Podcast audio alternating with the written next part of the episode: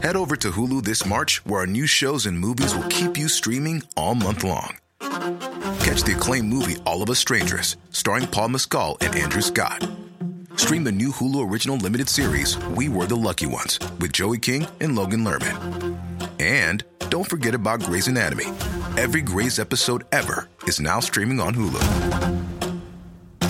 So, what are you waiting for? Go stream something new on Hulu.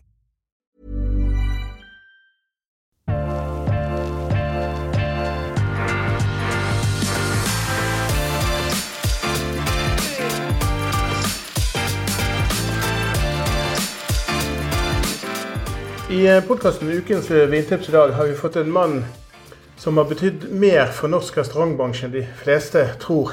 Og han har betydd svært mye for den Riesling-kulturen som vi har hatt i Norge, og har i Norge.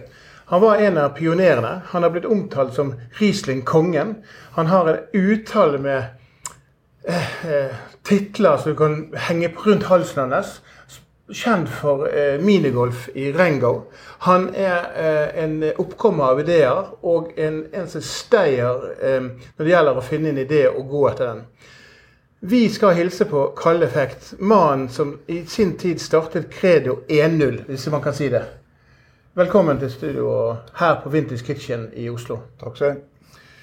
Det er jo litt sånn store ord da, når man nevner det. og jeg vet at Som moldeser så er ikke du så, så liksom, ah, det er ikke det det første som gjør. sant?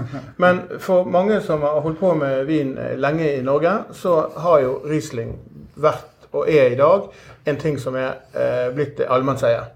Men når du begynte med når Riesling-bølgen kom til Norge, kunne du tatt oss litt tilbake til det? Eh, hva er det som gjør, gjorde Riesling interessant for deg i begynnelsen? Nei, For det aller første så var det når jeg gikk på kokkeskolen, så hadde jeg en tysk lærer, Hasso Neumann, som innvidde oss i tysk vin.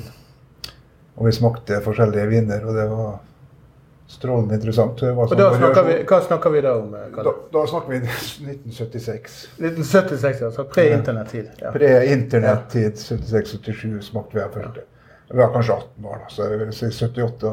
Ja, ja det er godt å eh, ja, så, og det var jo ingen Det var ikke så mye, mye med tysk Riesling. Jeg begynte jo i, på Roll Garden når det hotellet åpna. Først var jeg på Alexandra i Molde, og der var det ikke mye tysk vin å finne. liksom. Det som var av tysk vin, veldig ofte, det var jo mengder av. Ja. Selger Schwarze Katz og Rael von Heisenstein og sånt. Og den gangen var jo det like mye Müller Torgau som, som Riesling. Så når jeg begynte på Pallas Grill, like etter at liksom skjenkeringen kom i Oslo, så det at man måtte ha kjøkken for å få lov å ha åpent på Pallas Grill. Og det ble ordna et kjøkken hvor Jon Ruud og Tore Namstad starta. Og at jeg syntes å kom inn der. Og da hadde jeg begynt å kjøpe litt tysk vin i, i Tyskland. Nei, i Tyskland, i Sverige. Men eh, oppdaga plutselig at det var en kar på polbestyrer på Briskebypolet som var interessert i tysk eh, vin. Og han var den eneste. Den gangen så var det jo ingen restauranter Nei. som virkelig hadde tysk Riesling på kartet. Hadde, man, hadde de vinkart? Ikke? Ja, det hadde man. Ja. Det hadde man jo. sant. Men, ja. men altså, tyske eh, altså Det som var av tysk Det var selvfølgelig noen gamle hoteller på Vestlandet som hadde en del gamle tyske viner, men det var jo ingenting. Nei. Jeg vet jo sånn som Bagatell og sånt hadde jo ikke ei flaske med tysk Riesling. Før, så dette er helt i begynnelsen. sant? Ja. Eh, og så eh, går det da eh, fra Palace Grill. Eh, interessen for vin eh, kommer. Det var kanskje ikke så enkelt å få tak i, ja, det, i bra vin, men eh, tyske Det var det da faktisk. Altså, vi var faktisk det. Takket være en mann, Nils Flåten, som hadde en ekstrem portefølje på tyske Rieslinger til polet hadde han en tura for det etter ja. sin far, som gjorde at det, det var tilgjengelig. Og, så han fikk det til Norge? Fikk litt ja, salg på de restaurantene? Interessen kom? Ja, altså, det er ikke restauranter til å begynne med. Det var poler faktisk. Og litt, altså, hjem, hjem, til folk til å begynne med. For det var ingen restauranter. Ja. Vi var sannsynligvis den eneste i Oslo, i hvert fall som pusha. Ja. var Pallas Grill den første som pusha tysk Riesling. Og vi pressa på folk, liksom. Mm. Det var Og så dro jeg jo tilbake til Trondheim. etter Ja, og der, der, der gjorde du Ja. eh, store ting. Og sett fra utsiden så skal jeg ta lytterne litt med på en sånn historisk eh, reise. Sett eh, utenfra Du har jo vært eh, på innsiden og sett det, men inntrykket du har gitt igjen. Man hørte jo alltid lenge om eh, Credo. Du var jo aktiv i fagmiljøet. Du arrangerte mye forskjellige ting som handlet om tysk vin. Eh, og du eh, ble på en måte sett men ikke minst så begynte du å ha en fantastisk vinkjeller med tyske viner. Men ikke nødvendigvis alltid bare de yngste, men også gamle. Og da kommer vel den der spesialiseringen sin. Og hvis vi da, Når starta den? Credo det startet i 1998. ja, sant? Og du var der i 15 år? Ja, jeg er litt Ja, over det. Ja, litt over det. sant? Og nå i dag er jo Credo et, eh, noe annet. Men den gangen så var det fundamentet for en, en, en kultur som handlet om mat og vin. Men så kom jo dette her eh, Riesling-utvalget du hadde. Sant? Og jeg har jo sett på disse vinkartene du hadde. Og det var jo spennende ting. Det var mye. Ja. Men skjønte folk Riesling den gangen? Jeg kasta vel ut en del folk som ville ha Chablis. Gjorde det. Ja, de gjorde det. Ja.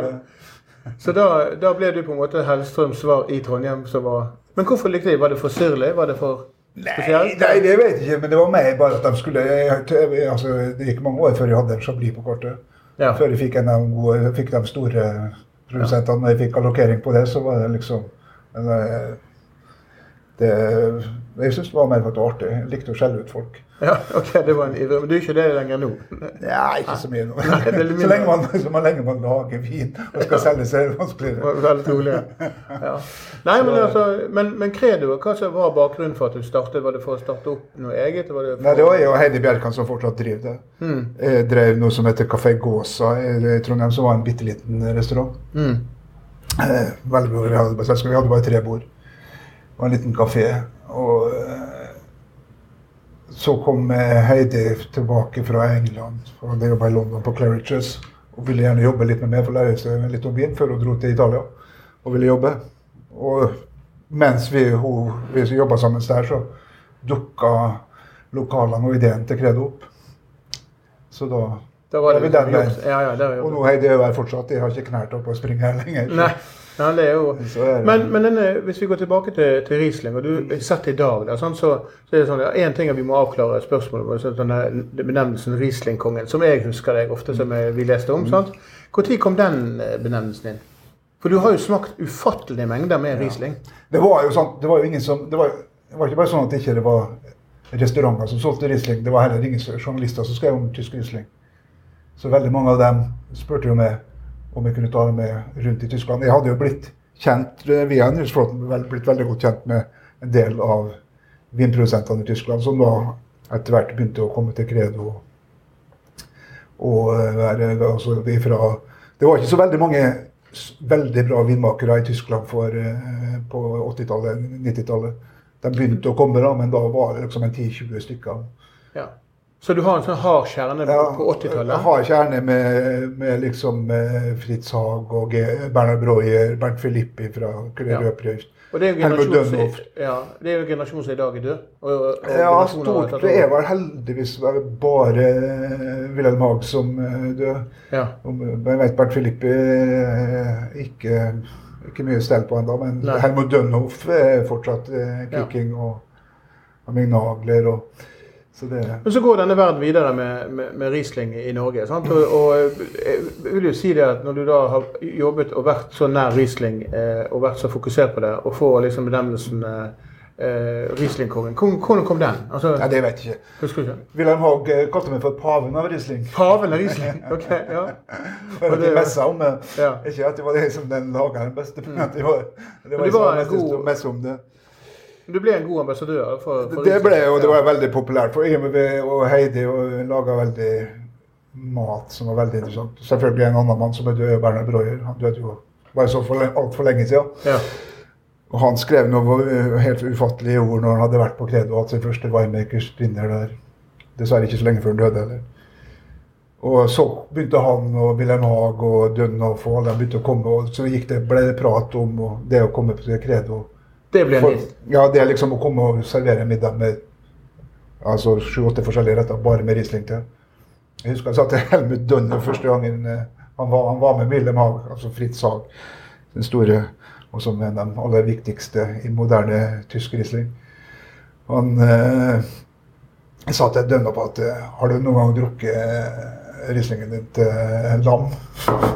Ja. og da, da sa han til Wilhelm Haag Kalle, nei, Wilhelm, jeg har lyst bare å gå herifra, kan vi ikke bare gå nå? Så, Ja, og etterpå så løfter de Heidi opp Ja. i lufta. Ja, det er godt med, ja. Men eh, hvis du trekker paralleller til Credo eh, og interessen og starten for, for Riesling eh, Og så begynner Polet rundt 2000 og virkelig å Mm. Sende tendere ut. sant? De begynner, liksom, Journalistene begynner å skrive om det. Sant? Eh, du eh, lykkes mer med Credo, det er mer eh, fart i det. Ja. Eh, og Riesling blir allmennseier. Ut er de halvtørre Rieslingene. sant? Mm. Eh, med, eh, eller halvtørre viner fra Tyskland. Mm. Det går ned i salg. Man begynner å få en jeg kaller det en sånn sødmefull balansegang mellom ja. bestselgere, og f.eks. med Dunhuff. Ja. Men hvordan opplevde du det fra sidelinjen, som har opplevd da, altså fra, fra kokkeskole opp til den, når det begynte å løsne? Var det for seint? Var det for tidlig? Var det i riktig retning, eller var det sånn at dette, måtte komme? Ja, det måtte jo sikkert komme. Altså, det var jo Det som var interessant, var jo veldig mye at det spanske kjøkkenet, altså det spanske innovative kjøkkenet, begynte å bli stor. For spanjolene eh, Ja, type El Bulli? Ja, El Bulli, Canrocca altså Canrocca-brødrene Ja. er jo de største importørene av tysk eh, kvalitetsrisling i Spania, og var den gangen. Jeg og han, han den, som var ansatt hos dem, vi reiste rundt og hadde smakinga eh, mange ganger samtidig. Vi var alltid dukka opp og ble plutselig venner. det. De hadde liksom de 15 De hadde nesten samme porteføljen som Nils Flåten hadde for 20 år siden. Ja. Eh, og han eh, Så de begynte å og da ble det veldig inn. Og så første dagen jeg var på El Bulli, så ble jeg jo bestekompis med, Ja. med, med sommelieren med en gang. For vi, vi, var- vi, vi hadde jo så jævlig mange felles venner. Ja. Så det var liksom enkelt for oss å snakke om Riesling. ja. Så det ble så, så du, Heidi dro ned igjen etter og jeg også var hun, De ringte liksom. Kom så får sitte på kjøkkenet liksom på Ja. chef table eh, før de egentlig starta med det. ja. Bare for eh, Og det var Rieslingen som eh, knakk oss inn. Ja. Men så ser du at Riesling blir en bølge, sant? Og, og du ser den Men i dag, hvis du ser på et Riesling-markedet i dag for det i dag så har du Det er en helt annen retning. sant? Du, du har gjort mange prosjekter som vi skal komme litt eh, etterpå inn på. Men en av de du har blitt kjent på, var jo sånn som jeg første gangen jeg ble kjent eh, rundt dine viner, var jo eh, Molde Jazzfestival sin Ja. Riesling.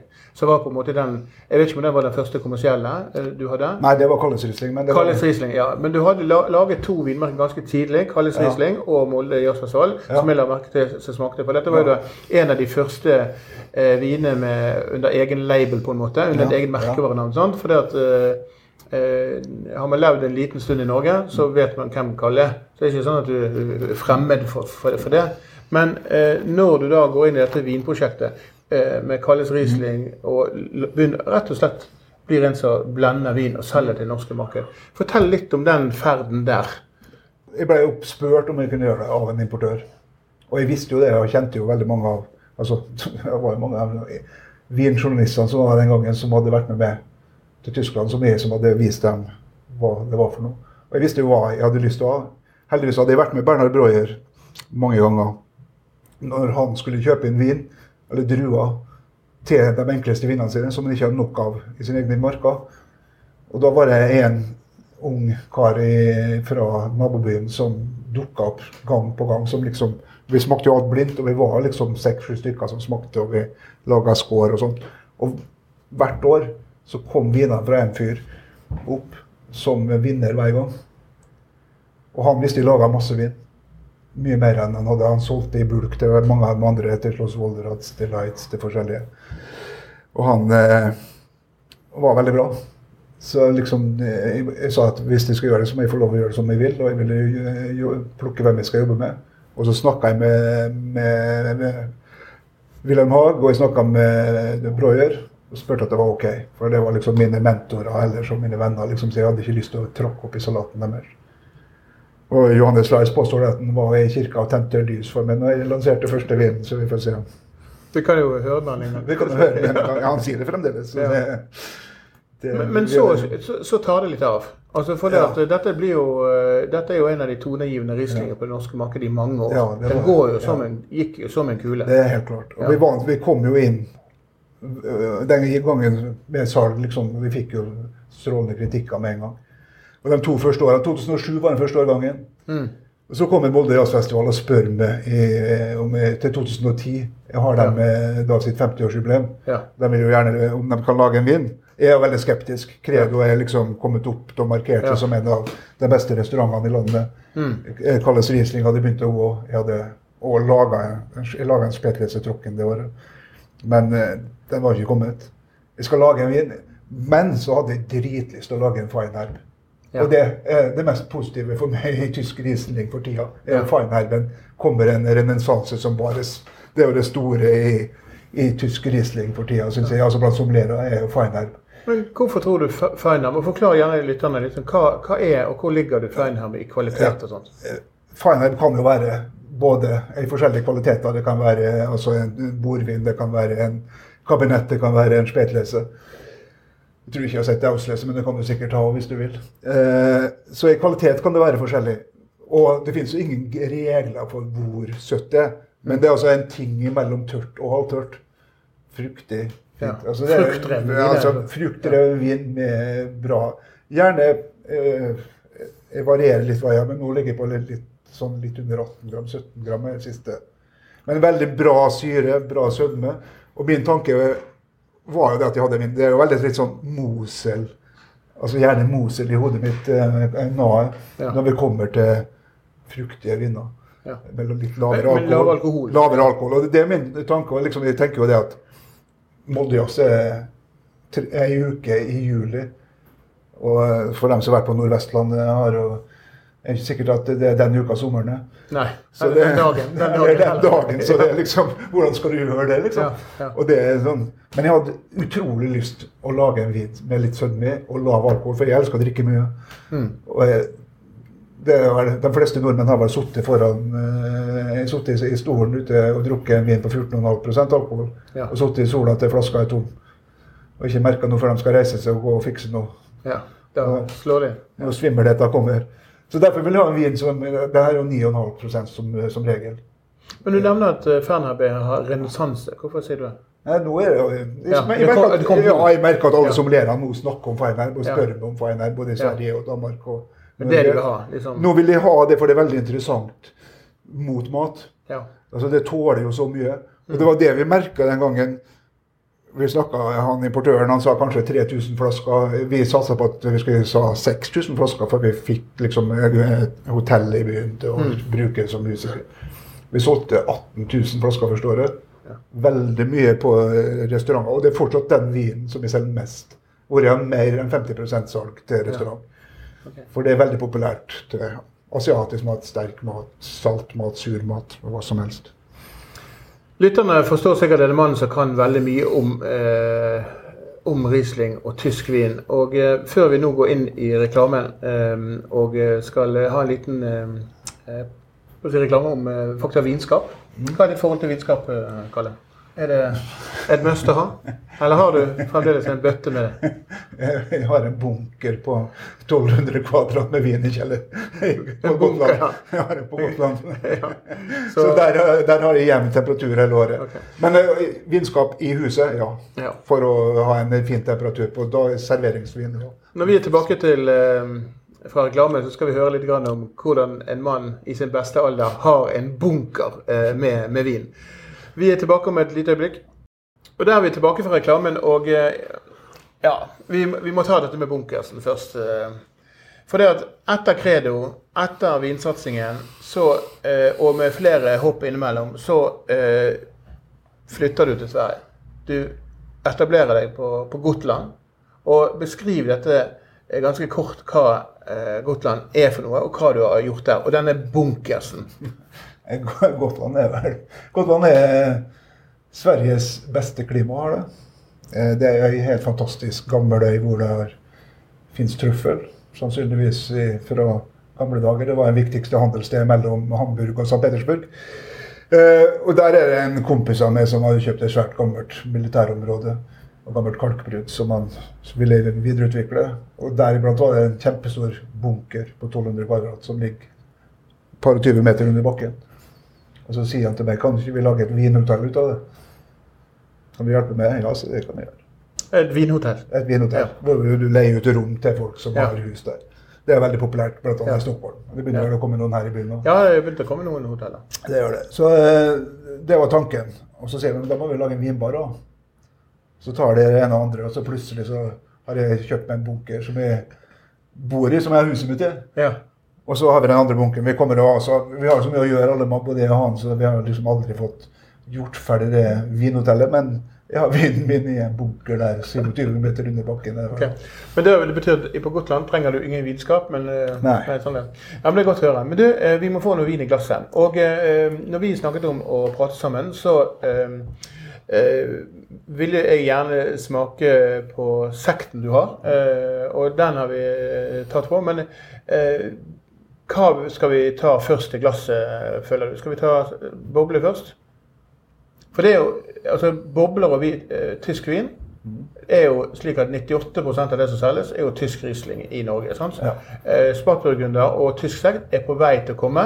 Begynner å bli bra, bedre og bedre kvaliteter. Noen produsenter går kanskje i sånn champagnestilaktig. Men de har og jeg vet ikke om du er enig, men noen ganger så blir tysk sekt det er på en måte litt sånn newborn. Altså det produsenter som begynner å lage det, men har de funnet frem til gamle oppskrifter, eller lager de bare noe nytt?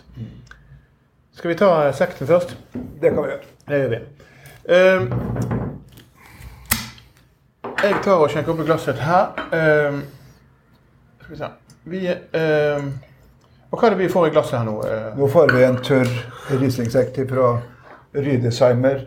Sektkellerai, som har på- eh, gjør det prosjektet sammen med Som har drevet og laga vin der i, i mange, mange, mange år. Mm.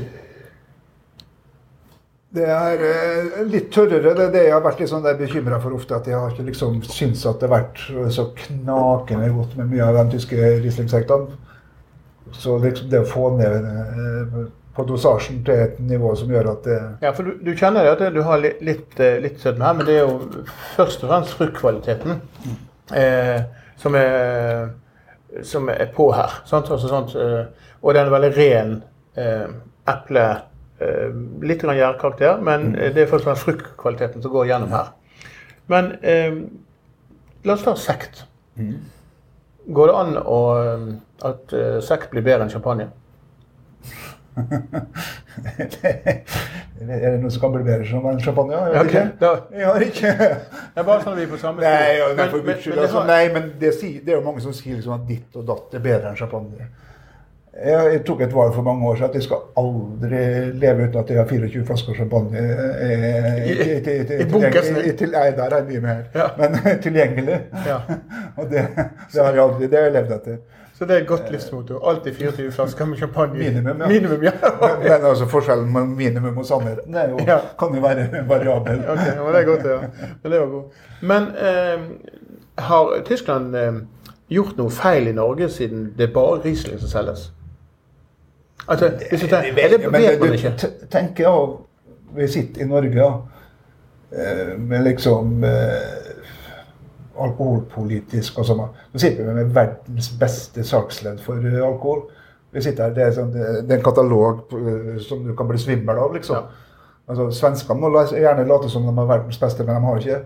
Altså, norske, det er så mye gjennomført mye kvalitet både på Riesling og Piemonte og på Burgund og Bordeaux. Og på, altså, det er helt skremmende hvor bra det er. Så det kan være et problem, altså at vi er for få mennesker i forhold til den kvaliteten vi har på den der bestillingsutvalgslista på polet. Ja. Så hva som er feil ikke, altså Det finnes jo så mye vin. Ja. Så det, altså, og man vil jo gjerne drikke vin fra mange forskjellige land. Ja. Så det, hvert fall fra mange distrikter. ja, det er fra mange distrikter. Men Tyskland i dag er jo, slik jeg ser det, ofte et eh, vinland som som er veldig for, eh, Tyskland-fokusert. Nei, ikke Riesling-fokusert. Eh, vinstilen som finnes innen Riesling, går jo fra eh, GG-vekster, Ja. litt grann gammelt som kommer. Og så går det egentlig bare eh, i de volumproduktene som finnes på polet. Ja. Der, der går det egentlig sånn i én retning, og det er litt lavere alkohol. Fruktdrevne har en balansert sødme-syrlighet, hvis det i det hele tatt har noe sødme. Eh, og så er det en del merkevarenavn som betyr mer enn andre. Og Du nevnte Ja, jo Leins eh, her, Ja. og du nevner eh, Brauer og et par andre. Ja. Dønn for sånn. Og de er jo stabile salg på. Du ser salgene. De, nesten, eh, de nye har veldig vanskelig for å komme inn. Sant? Og eh, tysk vin eh, eh, har jo eh, på en måte funnet sitt stempel, og det er lett å like. Men ser du noen utfordringer hva tysk vin kan ha i Norge i fremtiden? For Hvis du bare går og ser på salgstallene, så ser du at det er ofte de store. Det, det skjer ikke mye nyheter. Du snakker om, vi, snakker, vi smaker noe tysk sekt. Ja. Lettdrikkelig. Litt sånn kremantfølelse, øh, føler jeg. Altså, Ja. Men mye skarpere og Ja. bedre syre. Mye lengre syre. Dyptliggende øh, syrlighet. Men øh, tysk øh, Riesling eh, eh, Det blir så gammel traver. Og mitt spørsmål til deg er Kan man gå i den Fustino-fellen der man bare tror at all tysk vin er sånn? Eller er det Nei, det tror jeg ikke. Nei. For det er så variert. altså Riesling er jo fra det Altså, det er så variert. Og det er liksom Hvis du er interessert av det sånn derre F.eks. være hos Dunhoff, som har i, i, på løpet av et bitte lite område veldig mange forskjellige jord, mange, altså, jordsmonn. Innenfor bare 5-6 km så har han masse forskjellige. Fra porfyra til blå til rød stein. Som gjør at det er helt forskjellige smaker på samme druene. Altså det, altså, det er det som gjør at det er helt hysterisk interessant. Sånn. Så spørs det liksom Dem som kjøper mye, kjøper jo veldig mye trygt. Og så er det jo ikke noe fare, liksom. Øh, Og jeg drakk jo først Dino faktisk øh, for ikke så lenge siden jeg var i Tyskland. En gammel en dog, men den Ja. smakte jo fantastisk. den. Ja. Ja, en, Men du, men du er men, men, men sånn, jeg skjønner akkurat hva du sier, Ja. men det er jo liksom Romané Conté har laga god vin alltid. Ja. Altså, eh, Mouton har laga vin. altså eh, Slåss Johannesberg sine søte viner eh, har jeg smakt eh, fra forrige århundre. liksom. Det, altså, det finnes jo gode ting som får lov å lage. altså Porsche har laga gode biler hele tida. Ja. Du fortsetter med det. Så, Så, vi har ikke gått i Mercedes-fellen for det. Men hvis du tar en lytter som hører nå på denne podkasten, og så hører de om historien om Carl Effect. De slår deg opp på, på nettet. De ser at ah, denne mannen her, han kan sin Riesling. Hvis du hadde vært la oss si 20 år i dag, og så hadde du sagt ah, jeg liker tysk Riesling. Jeg har funnet liksom, eh, det her liker jeg. Hvor ville du ha begynt henne da? Altså sånn For å lære å forstå Riesling. Det kommer veldig an på. For folk er veldig sånn derre Det har vært perioder hvor folk har vært veldig redd for å drikke fruktige hvitviner. De drikker gjerne Amarona og Recioto som er full av sukker, eh, som ikke greier å få noe substans i på rødt. Men på hvitt, hvor det kanskje er mye syre som gjør det utfordrende, så er det litt sånn Du må, må få bort den der tanken der, i hvert fall. Ja. For jeg, ville- jeg syns Moser er den perfekte plassen å starte. Moseldalen. Ja, Moseldalen er det enkleste å forstå. Ja. Det er fruktig, det er godt, det er ikke fri forfriskende. Og det er liksom hvor mineraliteten nå kan variere veldig mye, selv om det ikke er så stor forskjell. Jeg husker, eh, som jeg nevnte, Wilhelm Haag, han var sånn Når du var oppe og besøkte han i Brandenburg, så måtte du tygge på skifferen hans. Og så skulle du smake på vinen om du kjente igjen steinen. Tygge på skifferen? Ja. Så du beit i skifferen. Ja. Hvis ikke fikk du aldri Så Mosel er en sånn go-to når du begynner å se på. Jeg Og. Og, og så kommer du over til Nae, som er en liten mellomting, før du kommer til mer elegante elegante eh, Rheingau, og så har du da eh, Rheinhessen og Foss. Rheinhessen var jo absolutt ingenting i gamle dager. Før Keller og Winter, altså dem som har kommet i dag og lager store viner. Før så var jo det bare mm, altså Masseproduksjon. masseproduksjon. Ja.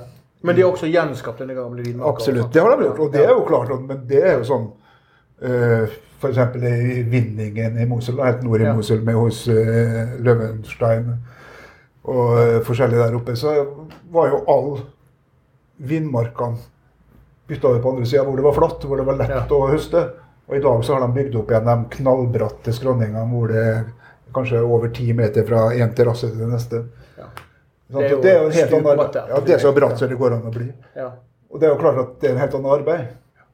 Men hvor er det vanskeligste vinområdet i Tyskland å forstå eh, enten bredde eller kvalitet av?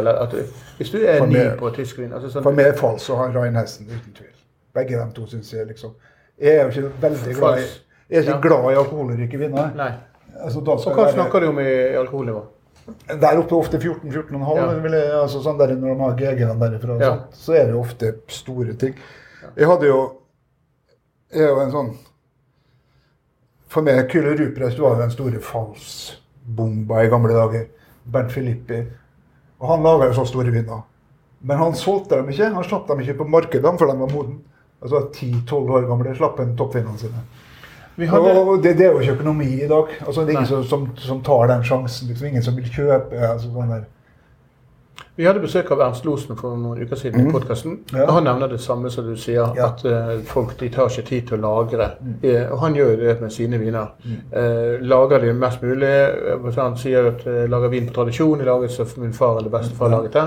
Eh, så, eh, men det kommer jo over til neste punkt jeg tenkte snakke med deg om. det at Hva ser du etter når, når du har kjøpt en Riesling, og du vil gjerne lagre Rieslingen? Hva er det du, og hva, kanskje for områder, og hva, hvem er det som er, er godt til å lagre? Er En Feinherb egner den seg til å lagre? Nei. Altså, selvfølgelig er jeg enig i det, men det er jo kjedelig. Ja. Enten så skal det være tørt, eller så skal det være eh, søtt. ja. Fa- Det som er med feinarben, er den fantastiske friskheten. Det er bare Ja. bomber du får, liksom, av Ja. frukt og sødme og alt sånt. Ja, det, Ja. Fruktbomber som Tenk om du spiser noe sushi eh, med litt eh, trøkk i, eller om du spiser kraftigere, så er det jo veldig godt. Jeg har jo Siste år, Vi gjorde for en del år siden en sånn test på julemat. Altså norsk julemat fra rakfisk, eh, pinnekjøtt, lutefisk, eh, name it. Hvor det var 20 personer i en vinklubb som satt, og alt var blindt. Og det var forskjellige typer. Det var champagne, det var noe musserende, det var eh, lett rødvin, kraftig rødvin, det var forskjellig hvitvin og sånt. Alt var blindt. Og i Astrestringen min, altså en fine herb, da, ja. den var, var nummer to på én. Resten av toppene lista. Ja, det høres godt ut. Og det, er faktisk uh, utrolig brukbart, ikke bare til asiatisk mat, men til norsk. Altså, når det er fermenterte ting, når det er syre, når det er sterkhet, så er det Så derfor så er det for meg fine herb så fantastisk. Ja. Men hvis man går tilbake til lagringsspørsmålet liksom, eh, når du skal, Hvis vi skal kjøpe en, en Riesling vi skal ha og ta vare på eh, i 20 år, for så å drikke den, hvorfor skal vi gjøre det? Og hva skal vi kjøpe? Er det GG-ene som er er GG, vil jo stort sett alltid holde. Ja, Det vil være et godt tips. Altså, se etter GG. etter- Ja. Har GG utviklet seg på generell basis til å være en, en vinstil som man kan være tryggere på? Eh, eh, Det er alltid et men. sant? Det vet jeg. Men Jeg vet ikke, er det ja. for, for meg så er Det er jo sånn at GG er jo bestemt av en klubb. Ja. Altså det med frimureri. Det har jo ingenting med sunn fornuft å gjøre, liksom. For noen av de aller, aller beste villmarkene i Tyskland er ikke rangert. Ja. Og da må du være medlem i gutteklubben Grei. VDP. Så GG er ikke hele sannheten, det er en del av sannheten. En del av sannheten. Ja. Men det å lage store viner, som er mye mer lik Alsace-viner enn klassisk tysk vin Ja. Men vi må få mer vin i glassene våre. Og um, vi, har, vi er på besøk her med, uh, i Vintage Kitchen. Ja. Og da Lars, gjør vi en liten pause her bare litt. Grann. Vi må, når du går opp her, sant? så må du passe på at du Ja, eh, ikke tar, eh, tar opp i den her. Så det går bra. Sånn. Vi er nå tilbake igjen. Vi må ha en ny vin i glasset. Og eh, vi møtes jo her nede på Vintage Kitchen, der din gode venn Heini eh, Pedersen har uh, jobbet. Han sa til meg at når jeg sa det at nå kommer Kalle her Ja, endelig kommer han. Uh, han har snakket om det lenge. Og det er litt sånn at uh, du er jo litt på farten. Og du forteller meg at du, prosjektet er på Gotland. Jeg gleder meg til å, komme til Gotland. Jeg skal være der om noen uker i, i, i embets medfør. Jeg skal fortelle om det. Eh, men det kommer en egen podkast fra Gotland i, om noen uker. Men eh, det vi skal smake på nå, eh, er en produsent, eh, en vin som vi var rett nede i vinkjelleren her. Vi plukket den ut. Og fortell meg ditt eh, syn på Grand Fasan, eller Grand Fasan? Eller Elegans Fasian. Fasian ja. Ja, er. Hva er det vi har eh, foran oss her? Jeg skal sjekke opp mens du snakker litt. du. Ja. Jeg, så ikke bare at vinen var varmt, at jeg så at det var Grans Facian. Jeg Ja, at, det var bare det. Ja, Ja. Gerhard Grans Facian er en god eh, venn av meg fra gammelt av, som nå hans datter har tatt over mesteparten av drifta. Eh, Nokså langt eh, syd i, i Moseldalen. Han driver i Trittenheim og Pisport. Mm. Da, da begynner du liksom å nærmere den sørlige delen. Han lager litt altså Mittelmosel er jo veldig kjent. liksom, Skal vi gå og dra den helt ut, så er det å selge Schwarze Katz med Sel som en av de største byene. Eh, Litt mer mineralske viner. Eh, Fa- lager veldig mineralske, fine viner. Så han har en sånn soleklar stålgreier. Jeg er så heldig at jeg er født i et av de virkelig gode Riesling-årene. 1959. Og på eh, et, et Taffelhaus i Peaceport eh, eide han hans frues familiehuset. Så de hadde kjøpt masse vin av han. Så der hadde de masse avsleser fra 1959, sikkert drukket Men den, vinen vi har i glass i dag, eh, heter Alte Reben. Sant? Riesling Trocken fra eh, vinmarken Leiven. Eh, 2020-årgang. Og eh, på smak eh, når, så føler jeg at dette her er klokkeklart. Det er mineralsk, det er veldig bra konsentrasjon, god lengde. Kan oppleves som litt ung hvis man tenker sånn.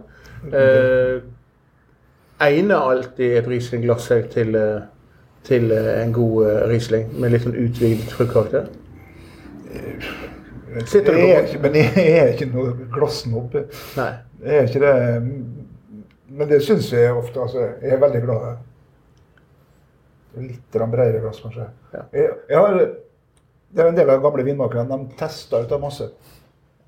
Og har laga en kupp. Og jeg har faktisk fått laga nye glass jeg- akkurat etter den kuppen vi fikk lov. eh, Det var med Nekel og eh, Bernard Breuer og Bernt Filippi som laga. De glassene har jeg hjemme, som jeg har gjort av blå- glassblåser i, i Så du har en, på en måte din, ditt spesielle jeg har mitt perfekte okay. Riesling-glass. Så du er ingen vinsnobb, nei glassnobb, men du har dine egne glass hjemme? Men det går, du er litt komplisert, det må du innrømme. Det er så, så bort Ja, det er bra. Enkel er ikke i hvert fall. Men det er i hvert fall eh, alltid, eh, det er alltid hyggelig å treffe deg og høre både når du ringer til meg og vi snakker sammen på ulike Selv om det går litt tid mellom hver gang, eh, så er det i hvert fall slik at for mange mange år siden så tok vi turen til Reingo. Eh, Der var vel jeg på besøk hos Leins, og vi Jeg kom ut for et Hva skal jeg si? Et festlig lag. Eh, Og det var jo da minigolf i Reingård. Og nå helt på slutten det virket jo altså, I mine øyne så var jo Reingo et, et sted langs eh, Reingo-elven eh, eh, som er på en måte for tyskerne eh, et eh, sted du går inn med elvebåten og tar deg en fest på ølstubene, eller ølstuene oppover og synger sanger. Eh, For oss her nordmenn så er jo begge nei, siden dekt med vinmarker, og eh, det er mye bra vin og mange bra produsenter som kommer derfra. Men du er jo litt sånn særstilling her. Og jeg husker jeg dro hjem med 15 kilo asparges. Hvit asparges. Jeg prakket vel ikke på meg, men du fikset noe veldig billig fra et eller annet. Fort i kassa det hele. Men fortell ditt forhold til Rengo. Og sånn hva, hva, og hva er dette minigolffestene? Hva har det vært? Ja, det, Minigolffestene har vært en fest, ja. Å, som, som regel er midt i aspargessesongen hvor vi har vært og plukka asparges. Minigolfen for jeg var så jævlig irritert. Jeg var, var med på noen golfgreier, men alt var så jævla seriøst. og alt skulle være, Det var ikke lov å skåle eller drikke eller ha det artig i hele tatt. Og alle skulle invitere på golfturneringer, så tenkte jeg skal vi invitere på minigolf, så vi kan drikke litt og ha litt artig òg. Og så begynte jeg å få med meg masse musikere, både svenske og norske, av, fra øverste hylle. Så jeg har lyst til å bli med ned. Så, Ja, for, for det var, det var uh, høy stemning. Uh, og er, er de fortsatt i gang, disse ja, det, vi bruker å gjøre det annethvert år. ja. Så det er- greier å trykke inn 100 pers. Ja, det godt. Ja. Flere får vi ikke til. Men for de lytterne som eh, tenker seg at de skal ha seg en, en, en helt storartet opplevelse i Reingård, så eh, ta og så finn frem hvor du finner eh, Kalle på, på nettet. Eh, og vi, han, han vurderer søknader. Ja, det det gjør vi. Ja, det, så får vi se. Men eh, vi nærmer oss slutten, og eh, jeg må si at jeg jeg smaker gjennom porteføljene fra tid til annen. Du har nylig skiftet importør i Norge, noe som jeg tror er gledelig for, for, eh, for merkevaren. Eh, og hva, hva er det du eh, liksom Hva er planen nå videre? For jeg har nemlig helt på slutten, og, og, like før jeg kom her, så har jeg fått med meg det som jeg syns er så rart med det, Kalle. Det er det at du har laget noe som heter Og jeg tatt frem en liten eh, boks her. Eh, jodelvasser. Og, og for, første gang jeg tenkte på det, hva er dette her for noe? En can som er dritstilig oransje farge. Og eh, når jeg har eh, både smakt den ved flere anledninger, så har jeg én eh, fra de første boksene jeg smakte til nå, så det er blitt en sånn sommergreie. Og hva er dette her jodelvasser for noe? Men du har ikke begynt å jodle ennå? Nei. Må du det? Nei, det, en, det, var faktisk en lignende drink som ble laga en gang. Vi laga for Bjørn Tomren, som er eller Polkabjørn, som det kalles. Og den andre jodlere. Mm. Så skal vi ha en, en til av den drinken her, men vi hadde ikke noe navn på den drinken. Nei. Og så ble det jo så plutselig begynte jeg og han og gamle Erik Håker, den gamle alpinisten, vi begynte å dra til Alpene for å teste ut det her. Ja. Så vi har hatt noen vintre. Så vi, og testet ut, ja, altså, vi testa ut det her, men så kom jo eh, Vi skulle jo alt klart å lanseres nede i Valgardena og i Cortina i, i mars 2020. Ja. Så det resten er bare historie. Så, så det, og etter det så vant Bjørn Stjernekamp, og da har ikke han hatt tid til å være med på det her. Så vi skulle vært litt mer aktive, men en dag så Men for lytterne som ikke kan uh, drikke dette, så er du langt fra både uh, sekt uh, Riesling og, og Riesling. dette her er jo ready to drink. Sant? Dette er ready to drink. Eh, med litt is over, så er dette ferdigblandet til ja. drinker. Er dette her noe som er en, en, en voksende trend, tror du? Eller er det dette er en veldig voksende trend. Ja. Det merker jeg nå. Jeg har vært ute på messa både vært i Tyskland akkurat. Og det spørs at jeg, For det første så er, jeg vokst noe som vi kommer til å se mye fremover. Mm. Ikke bare musserende ting. Her er jo en vin som er blanda med tonic og rabarbra og aroniajus. Men òg ren vin ja. ser du komme. Altså, for alt kommer til å komme på vekt, vekt, vekt. Altså transport. Altså, de tunge vinflaskene fra DRC og sånt. Ja. Det, ja, det, blir eh, det blir lite av etter hvert, eh, til og med i Tyskland. Og så ser man liksom at flaskene skal ned i vekt. Ja. Og det, altså det, det, betyr jo så mye, liksom. Eh, ja. Så det her formatet kommer til å komme, det er 100% vil det komme i større format enn den lille boksen? Det gjør det nok òg sikkert. Ja. Men, altså, men, nå har vi altså Poach og bag-in-box og det som er i større formater. Sant? Og, det kommer òg større her, kanskje med kullsynemessig. Det, det, det skal du ikke se bort ifra. Nei. Jeg ser det har begynt å komme på sprit. Ja. Eh, gjerne med, med altså, aluminiumsformatet med, med skrukork, for mm. det at det kreves mindre å, å gjøre om det enn glass. Ja. Eh, det dette forteller meg, skjønner du, eh, når jeg oppdaget denne her, og jeg har et par ganger kjøpt den, litt bare for å ha noe å drikke, for dette er jo rett frem-drikke, fruktdrevet og sånt, det er det at um, du kan ikke undervurdere Kalle sin, uh, kreditet. Og den er fortsatt til stede. Og uh, tusen takk for at du tok turen til Oslo uh, og tok oss en liten prat om, om deg, om vinene dine, og en nydelig anbefaling fra sang. Um, vi skal ses på Gotland. Det ja. håper jeg vi gjør. Og så skål. skål. Skal jeg se på denne denne du se. Takk for besøket.